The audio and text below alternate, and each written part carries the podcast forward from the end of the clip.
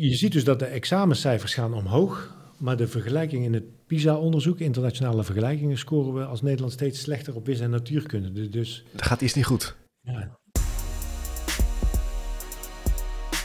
Welkom bij de maandelijkse podcast over het belangrijkste onderwijsnieuws van Nederland in de afgelopen maand. Op geheel eigen wijze nemen Chip de Jong en Peter Lone de top 10 van het nieuws met je door. In 15 minuten ben je helemaal bijgepraat over het actuele onderwijsnieuws. De kop is eraf. Januari ligt alweer even achter ons en februari gaan we ook afsluiten. Het voorjaar longt. Tijd om terug te blikken op al het onderwijsnieuws van februari. Ja, en ik heb altijd het idee dat februari zo'n tussenmaand is, dat er niet zo heel veel gebeurt. Eh, Ja. Misschien dat dat in het zuiden met het carnaval en de wintersporters te maken heeft. Ehm, ehm, maar de- het is een bomvolle agenda die we hebben. Ja, we hebben een rijke agenda en top 10. Het is overigens 27 februari. Er zijn nog twee dagen te gaan. Mochten we iets missen, dan kan je bij de volgende aflevering natuurlijk gewoon weer verwachten dat we het bijhouden. Nou, laten we het eerste thema er gewoon maar bij pakken. Eh, nieuwe onderwijsmethode bij Fontis zorgt voor heel veel onrust. Ja, er stond een groot artikel in de Volkskrant afgelopen zaterdag. ehm, wat, wat uitgaat van High Impact Learning That Last van Philip Dochy. Daar hebben we het Ja. natuurlijk eerder over gehad. Eh, de man is, is voor, voor gruwelijke eh, misstanden eh, veroordeeld. Ja. Ehm, ehm, dat, dat wordt wel naar aan elkaar gekoppeld, moet ik eerlijk zeggen. En niet zozeer door de Volkskrant, maar wel door Geen Stijl. Want Ja. er zijn natuurlijk heel veel opleidingen die hiervoor gekozen hebben. En ehm, ik, ik vond het een wat populistisch stuk door wat oud-docenten, oud-studenten te bevragen over een alomvattend onderwijsconcept bij Fontes. Nou, daar is echt werkelijk geen... Ik ken Fontes een klein beetje van binnenuit, daar is geen sprake van. Want Fontes, Nee? als er nou één hogeschool decentraal georganiseerd is, is het Fontes. Ja. Ehm, maar goed, ze hebben wel gedegen onderzoek gedaan. Ze hebben alle bronnen eh, gecheckt. Ja, en, en, ja.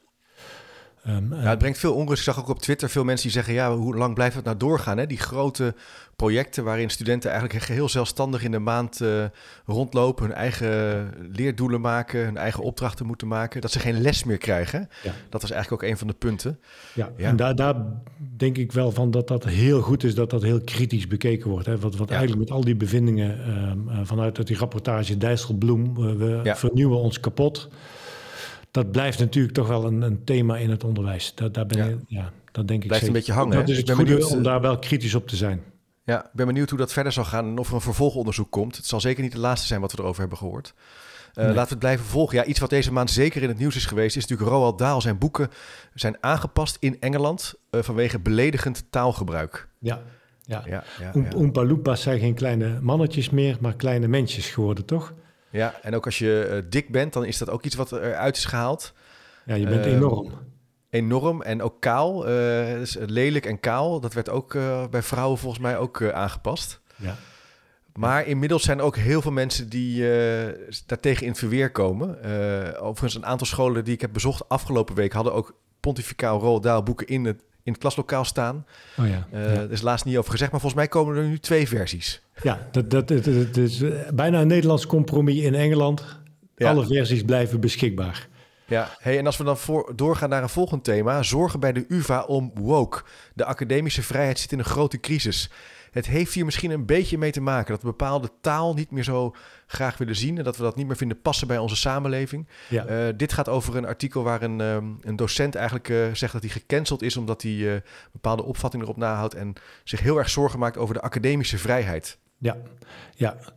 En, en eh, zich, zich duidelijk uitspreekt over ook eh, genderkwesties. En, en Ja. eh, een tegenbeweging van studenten op gang bracht. Een groot artikel, of een redelijk groot artikel ook in, in NRC.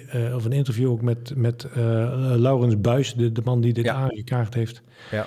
En die zegt, ja, doordat academische vrijheid en, en woke door elkaar gaat lopen... wo- wordt de discussie vertroebeld. Waar overigens de eh, reactie van de UvA, die daar wel onderzoek naar gaan doen... van hoe zit dat nu precies... Ja, Ehm, die zegt van ja, maar academische vrijheid is echt wel eh, ook, ook anders dan me- eh, vrijheid van meningsuiting. Want ehm, sommige dingen mogen wel gezegd worden, maar hebben geen invloed op de academische discussie. Want daar gaat het vooral over het verwerven van nieuwe kennis en het de, de onderzoeken en bespreekbaar maken van die thema's die we nog niet kennen. ja, Ja, ja spannend. Uh, hij, hij, is een aantal podcasts afgelopen week geweest. De Nieuwe Wereld onder andere twee keer. Ja. Dus hij zoekt ook wel heel actief uh, platforms. En ook, uh, geeft ook gratis colleges, online colleges... om zijn verhaal eigenlijk te vertellen. Ja, uh, ja dat zal zeker ook nog een staartje krijgen. Hey, ander thema. plannen van het kabinet voor de herinvoering... basisbeurs en tegemoetkoming studenten. hey, wacht eens even. We gaan dus nu niet meer lenen. Eerst gingen we wel lenen, maar dat gaan we nu volgens mij stopzetten. Ja, en dan is er dus een groep studenten die met een beperkte uh, tijdvak van studenten die, die een vrij forse lening hebben afgesloten, ja. weliswaar met 0% rente. Um, die krijgen dan een tegemoetkoming van, van iets meer dan 1400 euro als je vier jaar lang geleend hebt. En um, nou ja, de, de, de inkomensgrens wordt weer verhoogd van 53.000 naar 70.000 om een aanvullende ja. beurs te krijgen. Ja. Het, het, klinkt een beetje als, als uh, uh, slordig en rommelig beleid. Uh, ja. Wel basisbeurs, geen basisbeurs, tegemoetkoming. Uh, wat gaat het nou worden? Hè? Maak het gewoon gratis, uh, denk ik dan, voor iedereen. Gratis onderwijs, ja. hupsakee. Als je een, een kennissamenleving hebt, lijkt me dat verstandig. Ja, veel goedkoper misschien ook wel zelfs uiteindelijk. Ja. Oké, okay, nou, en mbo-stagiairs krijgen dekkende onkostenvergoeding. Dat vond ik wel interessant. Uh, is een beetje weggesneeuwd uh, in de afgelopen maand. Uh, maar MBO-studenten moeten vanaf dit jaar minimaal een dekkende onkostenvergoeding krijgen tijdens hun stage. Omdat ze geen vergoeding krijgen, maken ze nu vaak zelf kosten. Bijvoorbeeld om naar hun stageplek te reizen. Ja, ja, ja. Um, lijkt mij een heel mooi punt. Ik denk ook dat, dat we die MBO-studenten. Robert Dijkgraaf uh, maakt daar echt ook een punt van. Dat is echt ja. een, een, hoofdpunt van zijn beleid om die MBO'ers meer positie te krijgen. En ik denk dat dit een belangrijk. Uh, ze doen hartstikke veel werk. Ja. Uh, betalen ze dan op zijn minst in hele goede feedback. Maar, maar een onkostenvergoeding voor reizen en, en het werk wat zij leveren lijkt mij volkomen terecht. Ja, ik ook. Ik heb, bij mij uh, heb ik een, een mbo-student in dienst uh, bij de podcast. Uh, ja, die krijgt van mij gewoon een vergoeding. Ik, ja. ik, kan me niet voorstellen dat je geen stagevergoeding krijgt. Maar goed, dat is misschien een ander thema. Ja, ik, ik, ik hoor in de horeca en dergelijke dat dat toch echt een hele andere... Dat zijn vooral hele goedkope extra handen. Ja, ja, lijkt me ook onterecht. Dus ik hoop dat dat wat beter gaat worden. Hey, ja. ander thema. Steeds meer zorgen bij ouders en leerlingen over het niet versoepelen van de eindexamens. Ja. Dat versoepelen komt eigenlijk uit coronatijd, hè? Ja, ja, er zijn um, groepen, um, um, vooral VMBO-leerlingen, studenten, uh, die zich echt zorgen maken over het examen. Waarbij nu toch het standpunt is van onze overheid om het examen niet te versoepelen en te zeggen van we gaan, toch de eisen houden zoals ze zijn. Omdat ze later in je carrière krijg je daar, is er de verwachting meer last van als je toch de eisen gaat verlagen. Ja, ja, ja. Ja, ik ben benieuwd. Ik zie dat dat stuk uh, afkomstig is uh, of is aangejaagd door ouders en onderwijs. Ja. Uh, dat is natuurlijk echt een platform wat heel sterk vanuit ouders wordt vertegenwoordigd. Ik weet ook ja. wel dat studentenverenigingen en ook middelbare scholierenverenigingen zoals het LAK zich hier ook zorgen om maken ja, docenten die ik spreek, die hebben daar soms wel een andere opvatting over. Die zeggen, ja, die ja. krijgen gewoon goed les. En hoe lang ja. moet je dan blijven doorgaan met ja. het verlagen van uh, ja, normen en criteria? Maar dan komen we eigenlijk bij een ander thema, een ander ja, nieuwsfeitje. Want uh, vandaag vers van de pers, eindexamens wis en natuurkunde blijken steeds makkelijker te zijn geworden. Ja. Welk jaar heb jij examen gedaan, uh, Chip? 98. Ja, zie je. Ik vond het heel moeilijk. Ja, ja, ik ben nog van 89, kun je nagaan. Ja, je bent echt oud. Ja, maar ook heel slim. Ja. maar, maar, maar hoe zie jij dat dan? Ja. Is dat, ja, het wordt dus steeds makkelijker. Het wordt echt, er is echt best wel serieus onderzoek naar gedaan. Dat blijkt ja. gewoon wel uit het, uh, uit het turven en het meten. Ja, ja. Ja. Het, het, ik, wat ik vind het mooie daaraan dat het gewoon geobjectiveerd wordt. Dat, dat vroeger was alles beter en moeilijker. En die generatie van nu die weet niks meer. Hè, dat nee. is natuurlijk een emotie waar je helemaal niks mee kunt. En het mooie aan dit onderzoek is dat ze gewoon geteld hebben hoeveel bewerkingen moet je doen om een natuurkunde of een wiskundeopgave te maken. Hoeveel inhoud zit er in een vraag. Ja. En blijkt dat het in, op een hele lange termijn, hè, 30 jaar, um, de helft van de lesstof uit het uh, uh, examen is verdwenen. De helft, dames en heren. Laat het even op u inwerken. Maar dit is overigens uh, niet echt nieuw. Want als je naar oudere boekjes kijkt, middelbare school, basisschool... en je kijkt bijvoorbeeld naar leesopdrachten of rekenopdrachten... dan zie je dat eigenlijk ook al wel terug, hoor. Ja. Het is allemaal een stuk makkelijker. Ja. Het is gewoon wel ja. zo. Nou ja, ja en je ziet worden we dan ook dommer of zijn we gewoon slimmer geworden? Ja, dit is natuurlijk een spannende de, de, vraag. Je ziet dus dat de examencijfers gaan omhoog. Maar de vergelijking in het PISA-onderzoek, internationale vergelijkingen, scoren we als Nederland steeds slechter op wis- en natuurkunde. Dus. Er gaat iets niet goed. we, we worden niet slimmer of dommer, maar we, we vragen wel steeds minder van onze jongeren, denk ik. En dat is echt voor het vervolg. Want ik zag ook hè, de, de, de vliegtuigindustrie of, de, de luchtvaartstudies. Ja. En, en ook sociale studies waar, waar veel statistiek in zit. We moeten steeds meer bijspijkeren. En de Nederlandse jongeren leggen het af tegen uh, internationale studenten. Ja, nou, dat, dan kom ik bij het volgende uh, agendapunt. Studentenorganisatie willen tijdelijke rem op komst internationale studenten. Ja. die zijn natuurlijk te slim. Die zijn te slim, ja, precies. Nee, dat is anders. Ander punt, maar dit is natuurlijk... Aan. Ja, die kunnen congres niet meer aan. Nee, maar het is, uh, dus er komen op sommige universiteiten een enorme toeloop van internationale studenten. Uh, ook een bepaald verdienmodel zit erachter, wat steeds meer in het licht komt te staan. En daar, daar moet ja, paal en perk aan worden gesteld. Ja, ja. ja. en vooral in, in de Randstad, hè, de, de, de uh, universiteit in Limburg en Twente. Universiteit Zeeland stond er ook bij het stuk. Ik weet niet welke universiteit er in Zeeland zit, moet ik eerlijk zeggen. voor mij is dat een dependance van de Universiteit Utrecht, als ik me ah, niet vergis. Ja, die, die willen wel graag internationale studenten, maar, maar in de Randstad... dun bevolkt daar. Ja, willen ze ze liever niet. En zeg ook van, van, van uh, de Engelstalige opleidingen, um, de, de Ehm, maakt het ook lastiger om goed Nederlandstalig onderwijs aan te bieden, want er zijn zoveel internationale studenten. Ja, ja, ja, ja, interessant, interessant. Nou ja, we blijven het volgen. Rutte roept studenten op lid te worden van politieke partijen. Hij zegt, ja, in Oekraïne vechten ze voor vrijheid. Wij moeten ook lid worden van politieke partijen. Ja, het heeft iets te maken misschien met de verkiezingen die eraan zitten te komen, de provinciale verkiezingen. Ja, uh, ja. In het stuk in de Volkskrant staat van niet hè, dat, dat de afspraak al lang geleden gemaakt was. Ja, ehm, ja, ja. Met, met het, um, nou, de uitslag van de enquêtecommissie uh, over de gaswinning in Groningen. De toeslagenaffaire, de uh, stikstofcrisis, denk ik dat Rutte uh, misschien de mensen niet moet oproepen tot, om lid te worden van een politieke partij, maar vooral zelf eens actie moet gaan ondernemen. Hè? Ook ten aanzien van het lerarentekort bijvoorbeeld. We weten het al, al jaren. Ja. Ja, dus we kaatsen de bal even terug. Dus komt steeds uit, onze regering schuift op de lange baan en doet niks. Het zou dus ook kunnen zijn dat jongeren niet zoveel zin hebben in die politieke partij, omdat ze gewoon kijken naar wat er in Den Haag gebeurt en denken, nou, is dat het nou? Ja, ja dan heb je geen actieve herinneringen en je ja. uh, schuift het op de lange baan en je blijft zitten. Ja, want dat, dat is natuurlijk ook al heel lang. Ja, ja. Nou goed, uh, ik, maar voor degene die nu luistert en zich wilt aanmelden, uh, doe het vooral. Maar we hebben er ook een kritische reflectie op. Chip, we hebben één, één agendapunt volgens mij overgeslagen, ook in het nieuws. Dat is de loting als instrument voor studenten te selecteren. Misschien is dat nog een aardig breukje ook met die internationale studenten. We hebben het er de vorige maand over gehad, hè, het Klaas Visser model met loten. Um, en, en, nu is het toch door de Kamer gekomen dat ze zeggen... loten is toch een beter instrument, geeft toch minder ongelijkheid dan die decentrale selecties allemaal.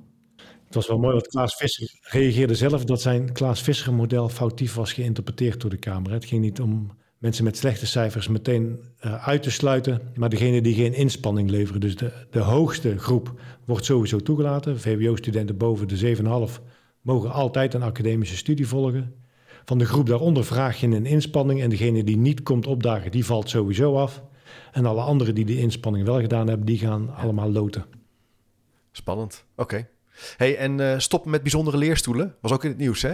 Leer, een bijzondere leerstoel wordt vaak gefinancierd uit de praktijk. Er is een soort financieringsconstructie waarin je voor een, periode van vier of acht jaar, het gebeurt bij lectoraten ook wel, aan een specifieke opdracht werkt. Dat kan bijvoorbeeld uh, iets zijn uh, ja, in de olieindustrie of raffinaderij. het kan zijn in de biochemie, maar het kan ook zijn in het onderwijs. En daar is kritiek op, want die financieringsconstructies zijn soms schimmig en niet duidelijk. en moeten we daar niet maar gewoon mee stoppen, was, was het artikel in de Volkskrant. Ja, ja. ja. Nou, ook weer Robert Dijkgraaf, die, die vindt het eigenlijk beschamend dat universiteiten niet kunnen aangeven hoe dat die leerstoelen precies gefinancierd worden. Hoe moeilijk kan het zijn om daar een overzicht van te maken, geeft Lijkt hij aan. ook. Lijkt mij ook, hè, dat, dat, dat is wel het minste. Maar de vraag is natuurlijk van, van um, um, wat moeten we, hè, dat stond ook afgelopen zaterdag in, in een nieuwsartikel in de NRC, moeten we niet helemaal van dat hoogleraarschap af als, als titel, en, uh, want het is een politieke Nee, niet een politiek. Het is een benoemen. Vroeger de koning, hè? Ja, ja. Ja, ja.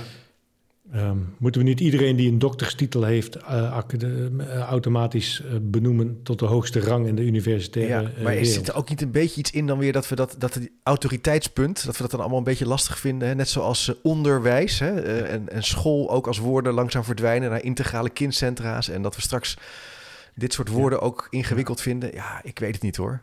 Ja. Ik heb altijd toch wel, ja, ik vind het ook wel mooi, uh, de, de, rituelen uh, die er zijn en die gekoppeld zijn aan het academisch leven. Dat je ook trouwt met de wetenschap. Ja. Het is natuurlijk wel zo dat als je eenmaal ja. promoveert, vroeger trouwde je met de wetenschap, dat is al lang niet meer zo. Er is veel meer verbinding met de praktijk. En het lijkt mij op zich heel gezond dat uh, organisaties meedoen met onderzoek. Hè? Dat je daar ook financiële afspraken over maakt, prima. Maar zorg dat dat transparant is en uh, hoeft die meteen helemaal af te, af te schaffen. Maar ja, wie weet, hè, over tien jaar. Het, het, artikel in de, in de NRC gaf ook aan van ja, maar die hoogleraren zijn eigenlijk niet meer degene die het meeste onderzoek of het meeste expert zijn op een vakgebied. Vaak zijn dat managementfuncties Ja, dat van klopt. grote uh, academische afdelingen. En, en, en dat Ja. is wel jammer. Uh, je zou willen dat die hoogleraar ook echt een expert is. um, op Ja, het net zoals dat lesgeven eh, iets anders is dan onderzoek doen hè, op een universiteit. En als je eenmaal eh, vakgroep eh, hoofd bent, ja, dan moet je ook hoogleraar zijn. Daar zitten allerlei koppelingen tussen. Ja, nou ja, interessant. Ik ben benieuwd. Eh, eh, Ja. In de NRC, hè. Het laatste artikel, eh, Peter. Hoog verzuim in het onderwijs vanwege werkdruk. Onderzoek eh, via Onderwijsland eh, gedaan. Ehm, ja, docenten blijven dan toch het meest thuis hè, vanwege de hoge werkdruk... in vergelijking met andere beroepsgroepen. Ja. Ja, ja, het aantal ziektedagen eh, gerelateerd aan ehm, hoge werkdruk is, is in het onderwijs duidelijk hoger. In het hoger onderwijs en in het voortgezet onderwijs Ja. met name. Ehm, veel verzuimdagen, meer dan in andere sectoren. Ja, jammer. Ja, werkdruk wel een Ehm. punt hoor. Als je eh, als school hè, eh, een prettige werkomgeving wil creëren, zou je toch wat aan die werkdruk moeten doen. Je ziet dat er alles op die school Ja. als afkomt hè, aan activiteiten. Gewoon kiezen. eh, Maar het is moeilijk hoor, denk ik. Dus eh, dit is wel een onderliggend Ja. probleem.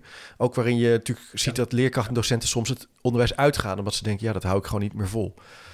Ja, nou ja, wat, wat, wat, eh, wat we natuurlijk ook in onze podcast die we met Maarten van Rossum gemaakt hebben, waarin hij zegt van ik zat in de jaren 50 op school met 30 kinderen. Nu zijn we vier tot vijf keer zo rijk geworden in dit land en er zitten nog steeds 30 kinderen in, in de klas. Alleen in de jaren 50 was er een ijzeren discipline. En nu moet ieder kind individueel centraal staan en die, die juf of meester die moet dat allemaal maar Ja. zien te managen in die klas. Ik denk ook echt dat dat enorm onderschat wordt wat een Ja, druk dat geeft. Absoluut. En eh, er zijn ook wel mensen die zeggen, er is geen lerarentekort. Er zijn gewoon te veel mensen die in het onderwijs die niet in de klas eh, werken. Dus die om het onderwijs heen dingen doen. Ja. Nou ja, eh, daar kan je Ja. ook wel genuanceerd naar kijken. Maar het is wel een punt van kritiek wat je misschien hier aan kan koppelen. Nou, dan zijn we het nieuws, eh, hebben we het nieuws doorgenomen, Peter. Nog twee dagen te gaan, dan is februari Ja. eh, voorbij. Eh, mochten we wat missen, eh, laat het ons weten. Een follow-up kan altijd. Eh, geef ons een berichtje. We horen het graag. En ik zou zeggen, tot de volgende keer. Eind maart, begin april. En dan zijn we er weer.